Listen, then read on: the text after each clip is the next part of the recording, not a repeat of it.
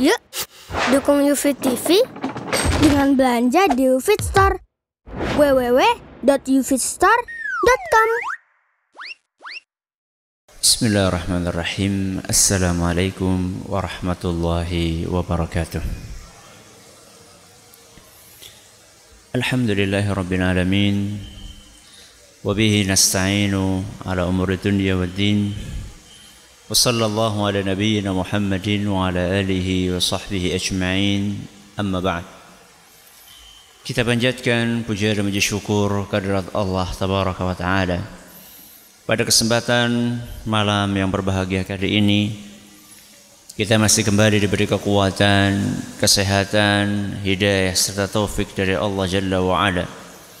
Sehingga kita bisa kembali menghadiri pengajian rutin malam Sabtu di Masjid Jenderal Besar Sudirman di Purwokerto ini kita berharap semoga Allah tabaraka wa taala berkenan untuk melimpahkan kepada kita semuanya ilmu yang bermanfaat sehingga bisa kita amalkan sebagai bekal untuk menghadap kepada Allah Jalla wa Ala. Allahumma amin. Salat dan salam semoga senantiasa tercurahkan kepada junjungan kita Nabi besar Muhammad sallallahu alaihi wa ala alihi wa sahbihi wasallam kepada keluarganya, sahabatnya dan umatnya yang setia mengikuti tuntunannya hingga di akhir nanti. Para hadirin dan hadirat sekalian yang kami hormati dan juga segenap pendengar Radio Insani 102,2 FM di Purwokerto, Purbalingga, Banjarnegara, Cilacap, Kebumen, Wonosobo dan sekitarnya Para pemirsa Yufi TV yang semoga senantiasa dirahmati oleh Allah Azza wa Jalla. Pada pertemuan terakhir kita telah memasuki pembahasan tentang salah satu hak muslim yaitu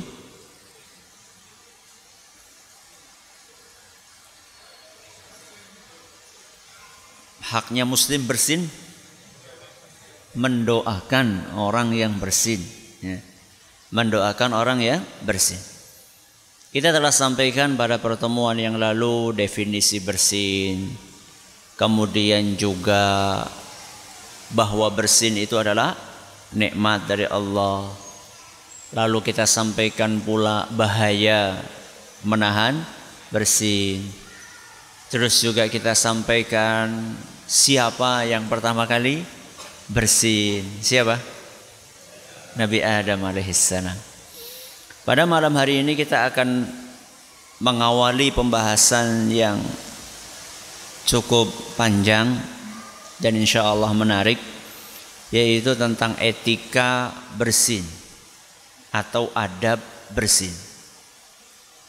Subhanallah Ustaz. Masa bersin pun ada adabnya. Itulah luar biasanya Islam. Itulah indahnya Islam. Sampai bersin pun ada adabnya. Dan ini menunjukkan betapa sempurnanya ajaran Islam. Sampai sesuatu yang dianggap remeh, sesuatu yang dianggap kecil oleh banyak manusia pun ada adab dan etikanya. Dan ini menunjukkan betapa sempurnanya ajaran Islam. Dan yang seperti ini tidak ada di dalam ajaran agama lain. Adanya cuma di dalam ajaran Islam. Makanya keliru besar kalau ada orang yang mengatakan seluruh agama itu sama. Dan di zaman kita ini para pengusung paham itu sedemikian semangatnya untuk menjelaskan kepada para manusia, masyarakat bahwa agama itu semuanya sama. Bagaimana mungkin sama yang satunya dari Allah, yang satunya bikinan manusia? Masa antara bikinannya Allah sama bikinannya manusia sama? Ya jelas beda. Antara robot sama manusia sama atau beda? Beda. Ustadz kan sekarang ada yang mirip banget sama manusia robot. Iya, cuma mirip aja. Kalau listriknya dicabut, nggak bisa ngapa-ngapain. Oh, nggak pakai listrik Ustadz, terus pakai apa? Baterai. Kalau baterainya habis. Ya. Jadi aneh orang di zaman ini menyamakan sesuatu yang tidak sama. Tidak sama kok disamakan. Ya. Sesuatu yang tidak sama disamakan. Satunya wahyu dari Allah, satunya bikinan manusia. Masa disamakan? Ya nggak bisa lah diterima oleh akal sehat kita. Gak usah kan nggak semuanya agama bikinan manusia kan juga ada selain Islam yang merupakan agama samawi. Apa itu agama samawi? Samawi, samawi itu langit. Berarti agama yang turun dari langit. Kan ada Ustaz selain Islam ada. Siapa bilang nggak ada? Akan tetapi agama-agama samawi lainnya selain Islam itu sudah mengalami perubahan. Alias sudah diotak-atik sama siapa? Sama peng, sama pengikutnya sendiri sudah direvisi sama pengikutnya. Ajaib ya.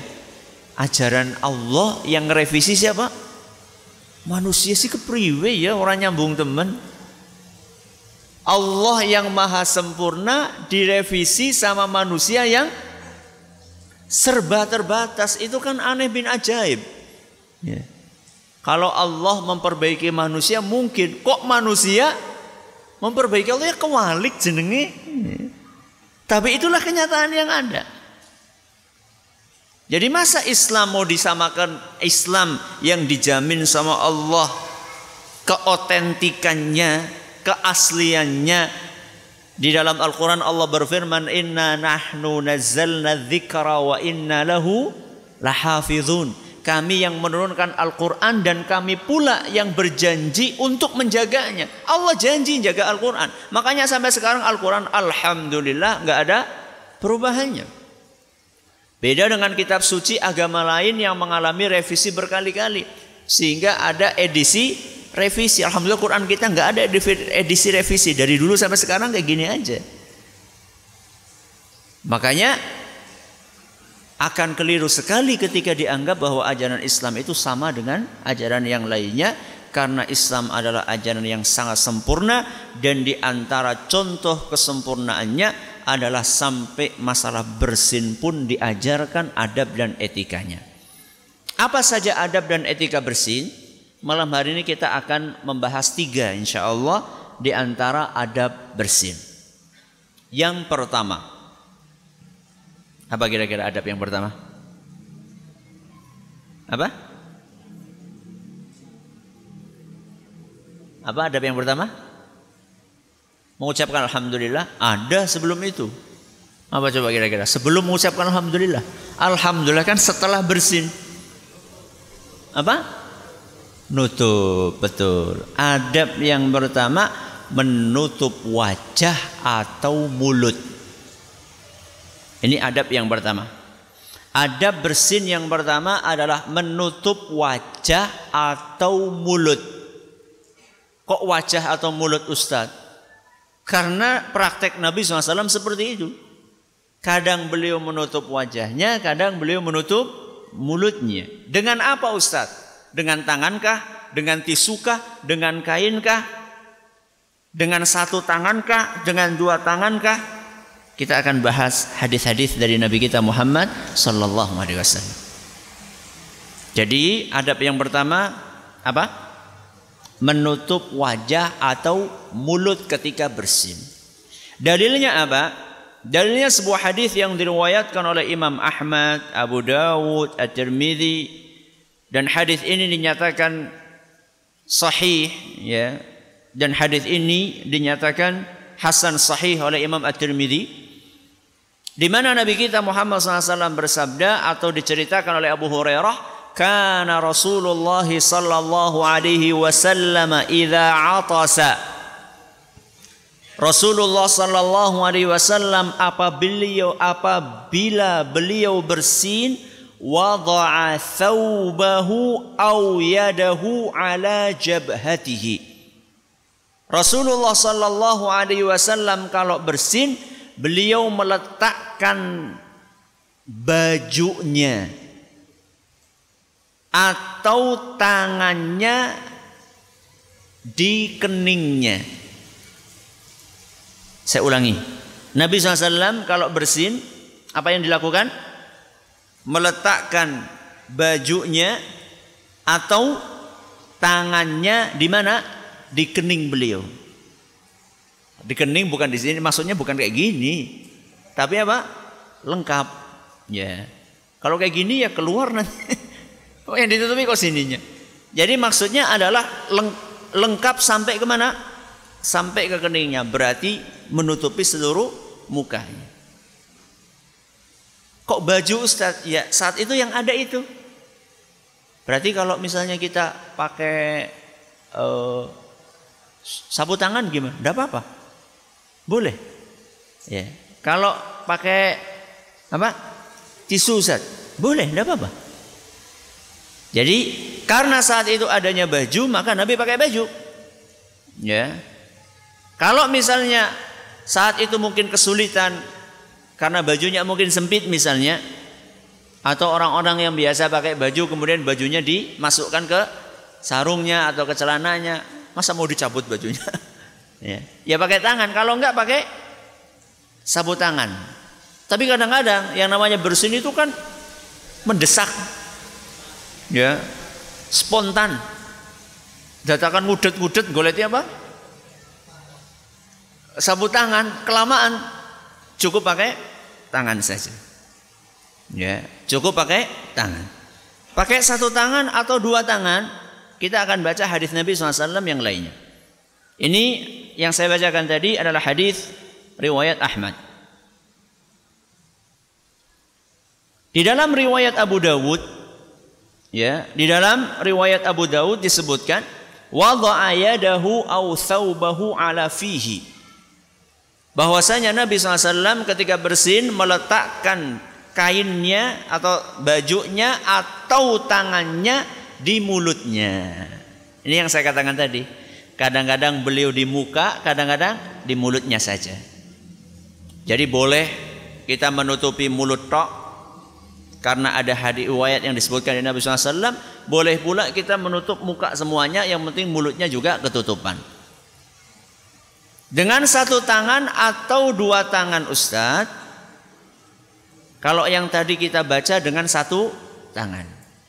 Yang dengan dua tangan ada nggak Ustadz riwayatnya? Ada yaitu sebuah hadis yang diriwayatkan oleh Imam Al Hakim dan hadis ini dinyatakan sahih oleh beliau dan juga oleh Imam Az-Zahabi. Nabi SAW bersabda, "Idza atasa ahadukum" Kalau salah satu di antara kalian bersin, falyadha kaffaihi ala wajhihi. Hendaklah dia meletakkan dua telapak tangannya di mukanya. Gimana? Langsung kayak gini. Ya, ketutupan semuanya. Ketutupan semuanya. Walaupun yang bunyi cuma mulutnya. Walaupun yang bunyi cuma mulutnya. Ya kalau bisa yang rapat. Kalau kayak gini ya sama aja. yang rapat. Ya dua telapak tangan.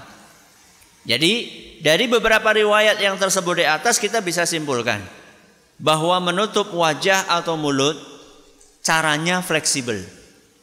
Bisa pakai cuma satu tangan kayak gini misalnya.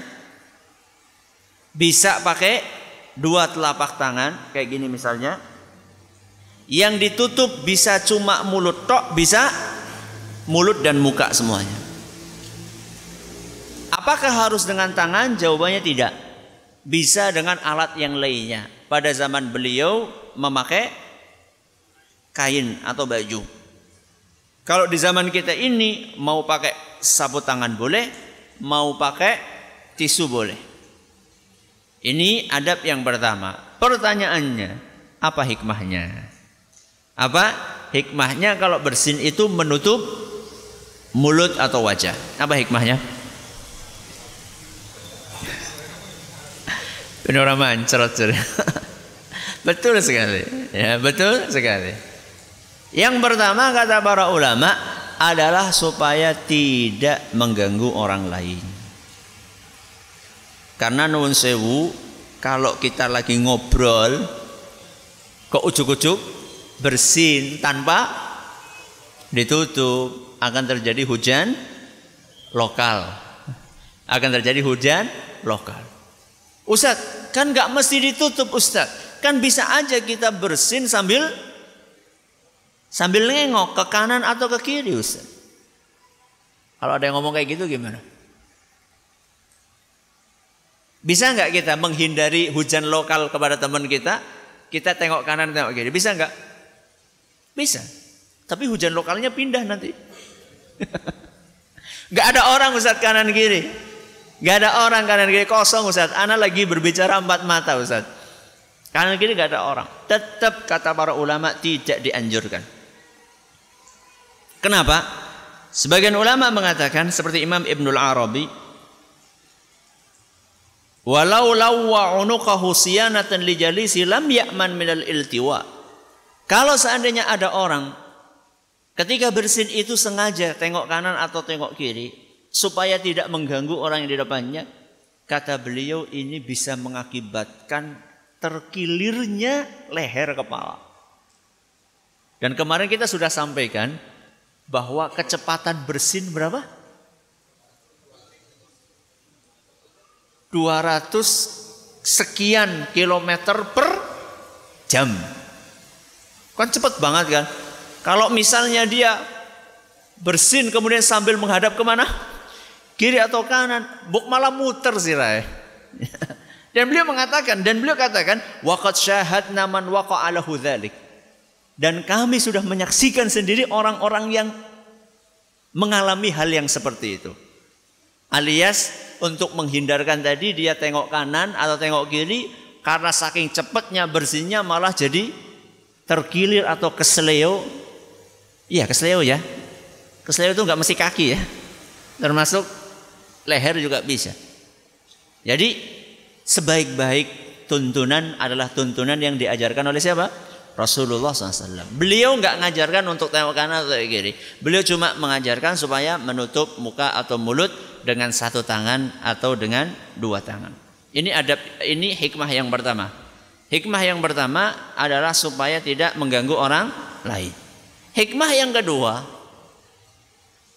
Kenapa kita disunahkan untuk menutup kata para ulama? Siapa tahu ada virus. Siapa tahu ada virus yang keluar dari mulut kita. Karena kemarin kita sudah sampaikan orang bersin itu macam-macam sebabnya. Di antara sebab orang bersin karena sedang influenza. Nah kalau misalnya bersin kita umbar bersin kita, ya di soft pertama bersin nggak ditutup, pindah ke belakang. Soft kedua bersin lagi nggak ditutup. Akhirnya satu masjid kena virus semuanya. Ya. Ini hikmah yang kedua yang disebutkan oleh para ulama. Jadi adab yang pertama apa tadi? Menutup wajah atau mulut ketika bersin. Adab yang kedua. Apa kira-kira? Setelah menutup apa? Alhamdulillah, nanti dulu. Buru-buru sekali. Yang kedua menurunkan volume suara bersin. Apa adab yang kedua? Menurunkan volume suara bersin alias aja keseron. Hmm. Ya, itu gampangannya.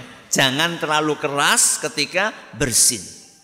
Adab yang kedua menurunkan volume suara bersin. Itu dari mana itu Ustaz adabnya? Dari Nabi SAW. Masa kita bikin adab sendiri? Ya, masa kita bikin etika sendiri? Nabi SAW yang ngajarin. Hadis yang tadi saya bacakan tadi riwayat Ahmad, Abu Dawud, Tirmidzi nyatakan hasan sahih oleh beliau. Setelah beliau disebutkan bahwa kalau bersin itu menutup mulut, muka dan seterusnya, disebutkan oleh para sahabat wa khafadha au min sautihi. Rasulullah SAW kalau bersin setelah beliau menutup muka atau mulutnya beliau menurunkan suara bersinnya. Alias suaranya tidak diumbar. Karena ada sebagian orang kalau bersin itu se-RT kabeh dan kadang-kadang memang disengaja. Ada sebagian orang seperti itu. Jadi orang orang marem jadi. Orang seru orang marem.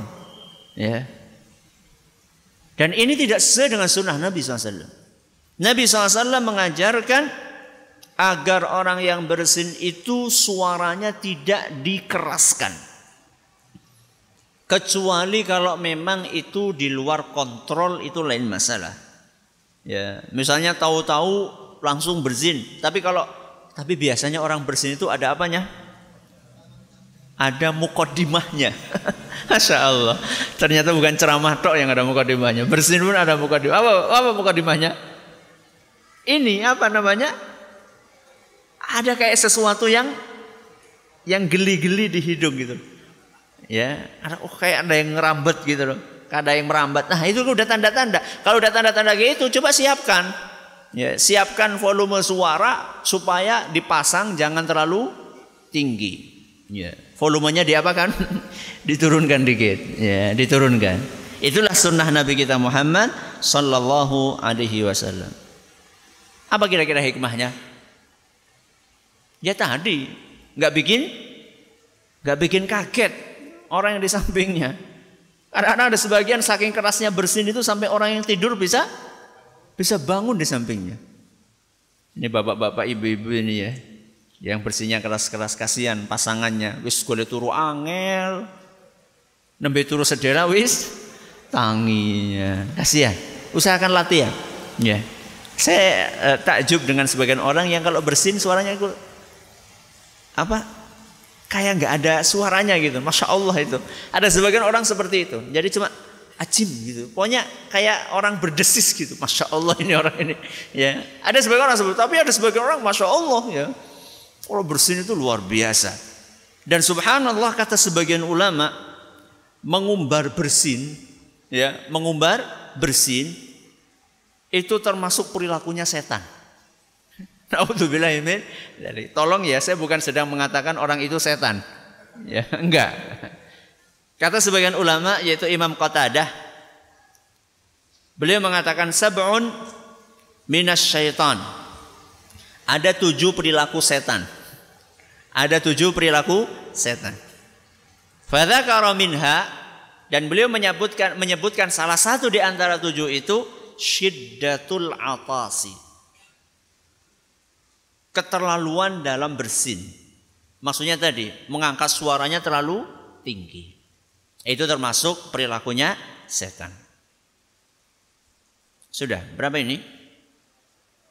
Sudah dua. Ah, yang ketiga. Ini panjang ini pembahasannya. Mudah-mudahan cukup. Yang ketiga adalah mengucapkan hamdalah. Mengucapkan hamdalah. Tentunya ini setelah bersin. Ya, makanya kemarin ada yang tanya Ustaz, baca hamdalahnya kapan Ustaz? Pas bersin atau setelah bersin? Ya saya katakan ya kayaknya nggak mungkin sambil bersin sambil Alhamdulillah kayaknya nggak mungkin. Agak sulit lah. Masa sambil ya nggak keluar nanti. Ya. Makanya ini saya letakkan di adab yang ketiga. Karena adab ini dilakukan setelah selesai bersin. Hamdalah itu redaksinya kayak apa Ustadz? Alhamdulillah. Apa Alhamdulillah Rabbil Alamin? Yang mana ini? Kan biasanya apa? Alhamdulillah. Temenan ke maca Alhamdulillah orang maca. Ya? Redaksinya macam-macam. Di hadapan saya ada empat redaksi hamdalah saya baca dari yang paling pendek. Apa yang paling pendek? Alhamdulillah Redaksinya agak panjang dikit. Alhamdulillahi Rabbil Alamin. Ada lagi Ustaz? Ada. Yang ketiga, Alhamdulillahi ala kulli hal. Apa? Alhamdulillahi ala kulli hal. Ada lagi Ustaz? Ada yang paling panjang. Alhamdulillahi hamdan kathiran tayyiban mubarakan fihi mubarakan alaihi kama yuhibbu rabbuna wa yarda. Milih sing ndi? Karepe sing pendek-pendek bae. Nek kon milih mangan sing akeh apa sing setitik milih sing akeh. Zikir milih sing setitik. Saya ulangi yang keempat. Alhamdulillahi hamdan kathiran tayyiban mubarakan fihi mubarakan alaihi kama yuhibbu rabbuna wa yarallah. Empat-empatnya ini ada dalilnya. Empat-empatnya ini ada dalilnya dari Nabi kita Muhammad sallallahu alaihi wasallam. Yang pertama dalil dari mengucapkan alhamdulillah tak. Hadis riwayat Bukhari. Hadis riwayat Bukhari. Nabi SAW pernah bersabda, "Idza atasa ahadukum falyaqul alhamdulillah." Kalau kalian bersin, ucapkanlah alhamdulillah. Sudah. Ini adalah redaksi yang pertama yaitu mengucapkan alhamdulillah. Redaksi yang kedua apa tadi? Alhamdulillah rabbil alamin. Dalilnya apa? Sebuah hadis yang diriwayatkan oleh Imam Bukhari dalam kitab beliau Al-Adabul Mufrad. Dan hadis ini nyatakan sahih oleh Syekh Al-Albani. Nabi SAW mengatakan atau disebutkan dalam hadis itu, "Idza atasa ahadukum" Kalau salah seorang di antara kalian bersin, falyaqul, hendaklah dia mengucapkan alhamdulillahi rabbil alamin. Kalau yang pertama tadi apa? Alhamdulillah. Kalau yang kedua, Alhamdulillahi Rabbil Alamin. Berarti sisa berapa? Dua. Coba yang ketiga tadi. Udah hafal belum? Yang ketiga apa? Alhamdulillahi ala kulli hal. Alhamdulillahi ala kulli hal. Apa dalilnya? Dalilnya adalah sabda Nabi SAW dalam sebuah hadis yang diriwayatkan oleh Imam Tirmidzi. Dan hadis ini dinyatakan hasan oleh Syekh Al-Albani dan dinyatakan sahih oleh Imam Al-Hakim. Dari seorang namanya Nafi'. Dari seorang namanya Nafi', seorang tabi'in. Atasa rajulun ila jambi ibn Umar faqal. Pada suatu hari ada seorang bersin di samping Ibnu Umar. Ibnu Umar itu adalah salah satu sahabat Nabi SAW. Ada seorang bersin di sampingnya Ibnu Umar radhiyallahu anhu. Kemudian orang tersebut mengatakan Alhamdulillah wassalamu ala rasulillah. Setelah mengucapkan hamdalah diiringi dengan so, salawat. Salam kepada Nabi SAW. Salawat bagus enggak? Salawat bagus enggak? Bagus ya sunnah. Tapi kalau sholawat habis bersin, ini ada nggak contohnya dari Nabi SAW? Inilah pentingnya beramal sesuai dengan aturan Rasul. Ya, Ustaz, hamdalah bagus nggak Ustaz? Hamdalah bagus nggak? Bagus. Kalau ada orang sholat, sholat nih ya, yang Allahu Akbar imamnya. Yang belakangnya Alhamdulillah. Salah apa benar? Apa salahnya? Hamdalah bagus nggak tadi? Loh kok sekarang jadi salah? Apa tempatnya bukan pada tempatnya Makanya kita dengarkan apa komentarnya Ibnu Umar coba. Kita dengarkan komentarnya sahabat Nabi SAW.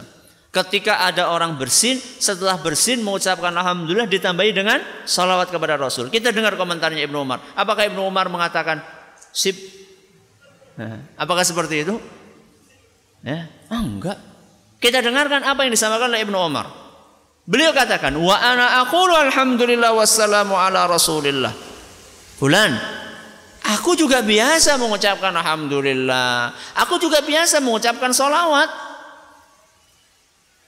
Jadi kamu mengucapkan alhamdulillah, mengucapkan salawat. Aku juga biasa mengucapkan alhamdulillah dan salawat. Walaysa hakadha allamana Rasulullah SAW.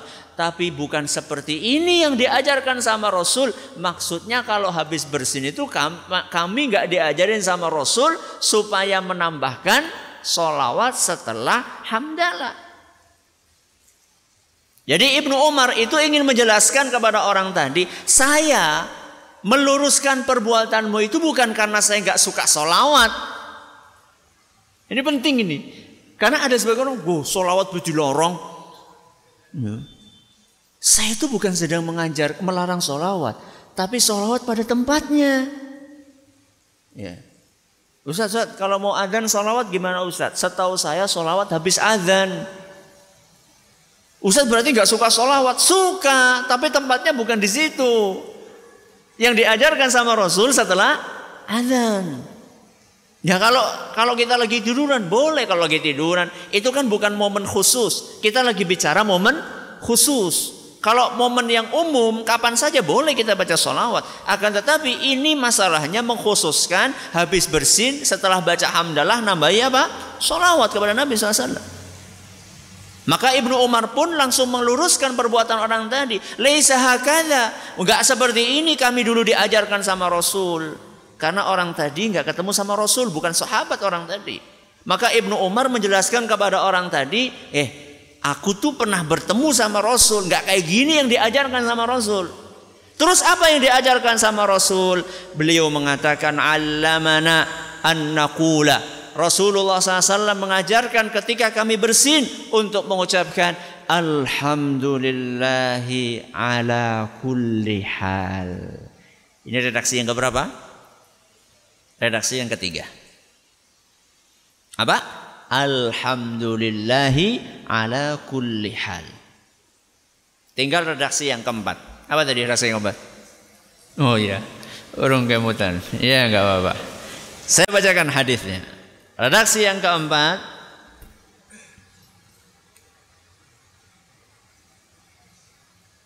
adalah sebuah hadis yang diriwayatkan oleh Imam At-Tirmidzi juga. Dan hadis ini dinyatakan hasan oleh beliau. Dari seorang sahabat namanya Rifa'ah. Siapa namanya? Rifa'ah. Laki-laki. Rifa'ah nama laki-laki. Beliau bercerita, "Shallaitu khalfa Rasulillah sallallahu alaihi wasallam fa'atastu." Pada suatu hari aku sholat di belakang Rasul SAW alias menjadi makmum. Imamnya siapa? Rasulullah SAW. Dalam riwayat At-Tabarani dan sanatnya dikatakan oleh Imam Ibnu Hajar la ba'sa bihi, sanatnya ya lumayan ya. Disebutkan bahwa sholat itulah sholat maghrib. Berarti sholat wajib apa sholat sunnah? Sholat wajib. Pada suatu hari aku makmum di belakang Nabi SAW fa'atostu maka aku bersin. Aku bersin. Fakultu maka aku pun kemudian mengucapkan Alhamdulillahi hamdan kathiran tayyiban mubarakan fihi mubarakan alihi kama yuhibbu rabbuna wa yardah. Apa tadi? Alhamdulillahi hamdan kathiran tayyiban mubarakan fihi mubarakan alaihi kama yuhibbu rabbuna wa yarda. Tengah-tengah salat. Falamma shalla Rasulullah sallallahu alaihi wasallam insarafa faqala setelah bubar salat, beliau sallallahu alaihi wasallam menghadapkan mukanya kepada para sahabat dan beliau bertanya, "Manil mutakallimu fis salah?" Siapa tadi yang ngomong ketika sholat? Siapa tadi yang bersuara maksudnya bukan ngomong ngobrol. Siapa yang tadi bersuara ketika sholat? Gak ada satupun yang menjawab. Diulangi oleh Nabi SAW. Manil mutakallimu fis. Siapa tadi yang berbicara? Yang bersuara ketika sholat? Tidak ada yang jawab. Padahal tadi siapa? Siapa tadi? Rifa'ah. Lanyong anaknya tak jeneng Rifa'ah. Ya enggak apa-apa. Ketiga kalinya Nabi SAW mengatakan, Manil mutakallim fi salat. Siapa tadi yang bicara ketika salat yang bersuara? Baru kemudian Rifa'ah mengatakan, Ana ya Rasulullah. Aku wahai Rasul. Aduh, dia apakah akan gitu. Maka kemudian Nabi SAW mengatakan, Kaifa kulta? Apa tadi yang kamu ucapkan? Apa yang tadi kamu ucapkan? Qultu ya Rasulullah tadi aku ucapkan Alhamdulillahi hamdan kathiran tayyiban mubarakan fihi mubarakan alaihi kama yuhibbu rabbuna wa yarda. Setelah mendengar apa yang disampaikan oleh Rifa'ah tadi, maka Nabi SAW bersabda, Walladhi nafsi biyadihi. Demi Allah, kata Nabi SAW. Laqad ibtadaraha bid'atun wa thalathuna malakan ayyuhum yas'adu biha. Ketika kamu ucapkan bacaan tadi, lebih dari 30 malaikat rebutan untuk mengangkat amalanmu ke langit. Artinya kemudian ujarku Ternyata malah Nabi SAW menjelaskan tadi itu ketika kamu ucapkan tadi lebih 30 malaikat rebutan mau mengangkat amalan kamu ke langit. Melaporkan itu kepada Allah subhanahu wa ta'ala. Berarti itu amalan baik apa jelek? Baik apa jelek? Ya baik. Malaikat sampai rebutan siapa yang mau nulis duluan. Pengen menghadapkan, melaporkan amal itu kepada Allah. Maksudnya baik. Ya. Gimana? Masih belum semangat untuk ngapalan yang redaksi keempat? Semangat. Coba apa tadi? Alhamdulillahi hamdan kathiran tayyiban mubarakan fihi mubarakan alaihi kama yuhibbu rabbuna wa yarda. Wah wis apal Ustaz. Janji wis apal sih ora dipraktekkan mesti hilang kok. Yakin? Ya. Kalau nggak dipraktekkan hilang. Ada seorang ulama, ada seorang ulama besar, saya lupa namanya. Ngapalin hadis, ngapalin hadis. Dan beliau ketika ngapalin itu diulang-ulang, ulang-ulang, ulang-ulang. Sampai berapa puluh kali diulang-ulang ngapalinnya. Dia punya pembantu di sampingnya. Komentar. Tuan ya. Pak ya. Bolak balik ngapalin? Saya dengar lima kali aja sudah hafal katanya. Masya Allah. Pembantunya ngomong sama majikannya. Ulama ini ulama besar. Masya Allah su akeh temen gue bolak balik bolak saya dengar kamu baca tadi. Ya mungkin sambil ngapain gitu ya karo ngangsun ya karo goreng apa ya mungkin ya saya cuma dengerin kamu baca lima kali sudah hafal Orang mati, oh, alhamdulillah. ya syukur sampai. Sudah seminggu kemudian. seminggu kemudian pembantunya di mana? Sini, sini, sini. Hadis yang pernah kamu hafal masih ingat nggak? Enggak ya? Nah itu makanya saya ulangi sampai puluhan kali. Jadi mungkin ada sebagian orang ulangi lima kali apa? Tapi ini sampai puluhan kali supaya nempelnya itu lebih lebih lekat kayak perangko perangko yang nempel beneran gitu loh ya. sudah Nah, berarti ada berapa redaksi? Ada empat. Nah, ketika mengucapkan hamdalah itu suaranya diangkat nggak? Diangkat nggak? Diangkat. Seberapa volumenya? 20, 30, 50? Ya. Pertama, suaranya diangkat hamdalahnya. Ya. Karena disebutkan dalam sebuah riwayat ya, hukka 'ala rajuli idza 'atasa an yahmadallah. Sangat dianjurkan bagi seseorang ketika bersin untuk memuji Allah yaitu mengucapkan alhamdulillah wa yarfa'u bidzalika sautahu dan mengangkat suaranya. Ada sebagian orang boleh wahing seru, ora hamdalah. Kemalik itu. Ya, justru yang disuruh angkat suaranya hamdalahnya. Seberapa kerasnya ya Ustaz? Fayusmi uman indahu. Paling tidak yang di dekatnya itu dengar. Yang di dekatnya dengar. Ya nggak harus misalnya nggak ada orang misalnya di seberang jalan sana. Ya, ya nggak harus. Ya. Alhamdulillah. Sini kan apa ketiban duren apa? Orang nggak paham, dia nggak bersihnya aja nggak dengar dia. Kan tadi bersihnya disuruh dilidihin. Kita alhamdulillah keras dia. Ini orang lagi ngapain ini? Oli undian apa-apa ya. Jadi suaranya kira-kira didengar oleh orang yang dekat dengan dia. Kalau pas lagi sholat bersin mengucapkan alhamdulillah nggak usah. Mengucapkan enggak? Enggak. Mengucapkan apa enggak?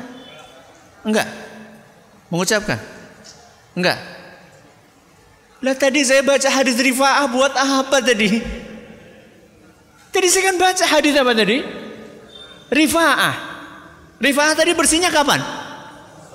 Pas sholat. Sama Nabi dimarahin enggak? Enggak. Berarti itu menunjukkan bahwa ketika orang bersih juga disunahkan baca hamdalah. Dan ini adalah pendapatnya jumhur al ulama. Mayoritas ulama berpendapat seperti itu. Ada Imam Malik, ada Imam Syafi'i, ada Imam Ahmad. Mereka mayoritas mengatakan kalau orang lagi bersih, eh kalau orang lagi sholat disunahkan untuk mengucapkan alhamdulillah. Cuman mereka berbeda pendapat. Diangkat suaranya apa? Lirih. Itu aja perbedaannya. Semuanya sepakat. Kalau bersin mengucapkan Alhamdulillah walaupun sedang sholat. Terus yang benar yang mana Ustadz? Yang keras? Apa yang? Lirih. Wallahu alam bisawab. Kalau seandainya dikhawatirkan mengganggu, maka yang lirih saja. Lirihnya itu seperti apa Ustadz? Kira-kira kita dengar sendiri. Kira-kira kita dengar sendiri. Bukan batin loh. Bukan apa? Batin. Apa bedanya batin sama lirih? Bedanya apa? Keluar. Umak amik. Komat kamit mulutnya. Bersin terus Alhamdulillah. Itu namanya baca lirih. Kalau keras gimana? Masa contoh nih. Kalau batin gimana? Bersin? Murah alhamdulillah. Wis, kapan? Batin? Enggak. Tapi diucapkan. Cuman dengan suara yang pelan, ya. Kalau khawatir mengganggu orang lain. Kalau nggak khawatir gimana Ustadz? Masa nggak? Ya kalau lagi sholat sendirian. Lagi sholat sendirian kan siapa yang mau terganggu? Nggak ada yang tidur di sampingnya. Bu, nggak apa-apa. Ketika bersin itu mau ucap Alhamdulillah. Apalagi kayak tadi tadi kayak rifah apa? Panjang kayak tadi nggak apa-apa. Boleh. Ya itu kalau tidak mengganggu orang lain.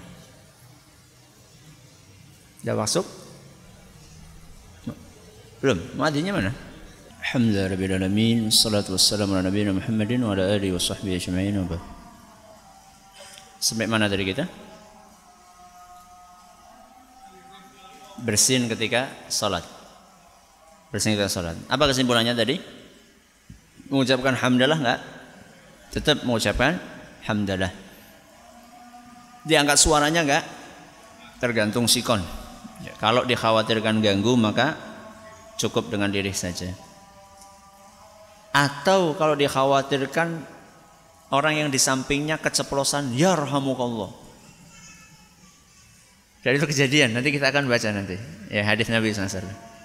Atau pernah kita baca malah ya. Pernah kita baca yang melotot itu kan ngapain lihat-lihat gitu. ya. Karena kan ada sebagian orang memang spontan. Ya sudah saking apa ya? Saking terbiasanya mengamalkan sunnah begitu ada orang alhamdulillah langsung apa? Ya Allah. Kalau dikhawatirkan seperti itu kata sebagian ulama maka nggak usah dikerasin. nggak usah dikerasin. Nah, itu adalah bersin ketika sholat. Tetap mengucap alhamdulillah. Kalau bersin di kamar mandi, kalau bersin di mana? Di kamar mandi atau di WC. Apakah tetap dianjurkan untuk mengucapkan hamdalah? Baca enggak? Enggak. Enggak. Kata sebagian ulama, baca tapi batin. ini baru batin ini. Ya. Yang dari tadi pengen batin, batin, bagi batin gitu. Kesempatan untuk batin. Ya. Ketika di kamar mandi, kenapa? Karena itu kembali kepada etika berzikir. Karena hamdalah itu bagian dari zikir. Jadi etika zikir itu adalah tidak diucapkan di tempat-tempat yang kotor. Tidak diucapkan di tempat Ustaz kamar mandi resik Ustaz. Ya. Tempat untuk menyimpan kotoran. ya walaupun kamar mandi resik tapi kan itu kan tempat untuk menyimpan kotoran. Walaupun kamar mandi jenengan bersih, kinclong, kon turun nongkon gelem. Ya, kenapa? Karena tempat tempat menyimpan kotoran. Nggak ada orang betah di situ. Ya. Nggak ada orang betah walaupun bersih apa pun. Jadi kalau di kamar mandi mengucap eh, bersin maka mengucapkan hamdalah tapi di mana? Di dalam hati sebagaimana dijelaskan oleh sebagian ulama. Dua pembahasan terakhir apa hukum membaca hamdalah? kalau bersin. Apa hukumnya? Wajib apa sunnah? Wajib apa sunnah? Kalau wajib berarti enggak alhamdulillah dosa. Gimana? Milih yang mana? Jadi bukan masalah karena kita pengen bermudah-mudah enggak, tapi kata Imam Nawawi ulama sepakat bahwa membaca hamdalah setelah bersin hukumnya sunnah.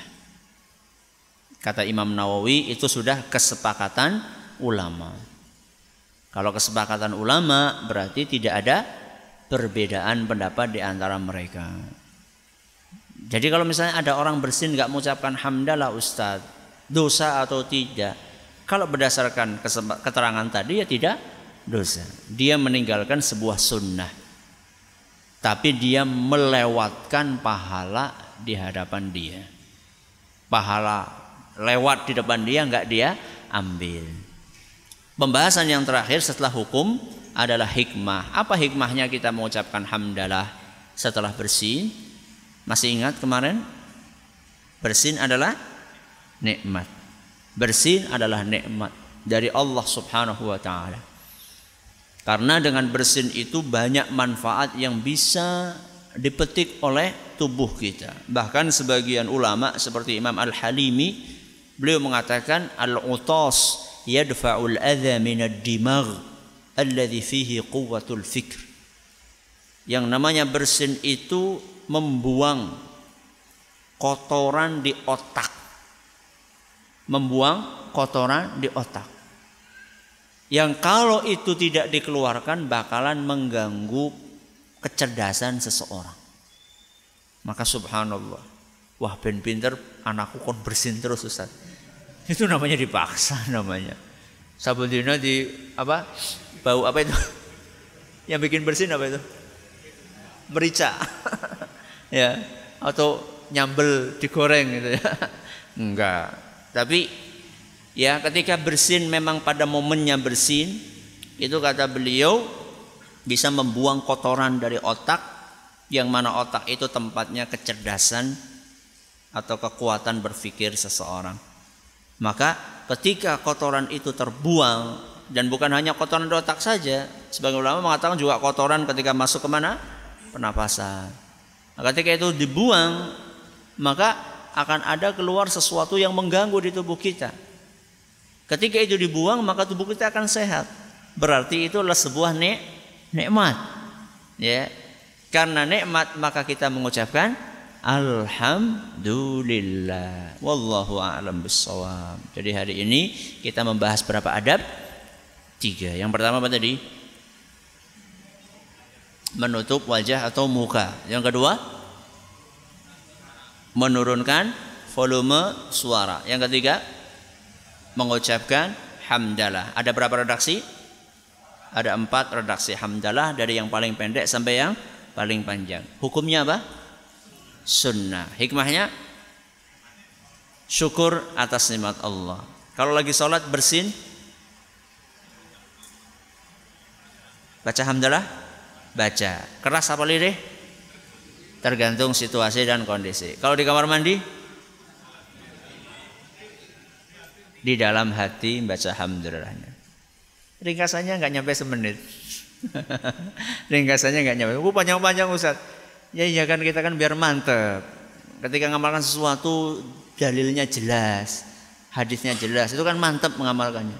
Sebenarnya kalau mau diringkas kayak tadi tuh. Mau berarti semenit tok bubar pengajian. Terus udan-udanan kur semenit tok. ya. Jadi kenapa panjang lebar tadi adalah untuk membuat hati menjadi tenang ketika mengamalkan suatu amalan dan jelas amalannya ada contohnya dari Nabi kita Muhammad SAW. Terima kasih atas perhatiannya, mohon atas segala kurangannya. Kita tutup dengan membaca Subhanakallahumma bihamdika asyhadu an la ilaha illa anta astaghfiruka wa atubu ilaik. Assalamualaikum warahmatullahi wabarakatuh.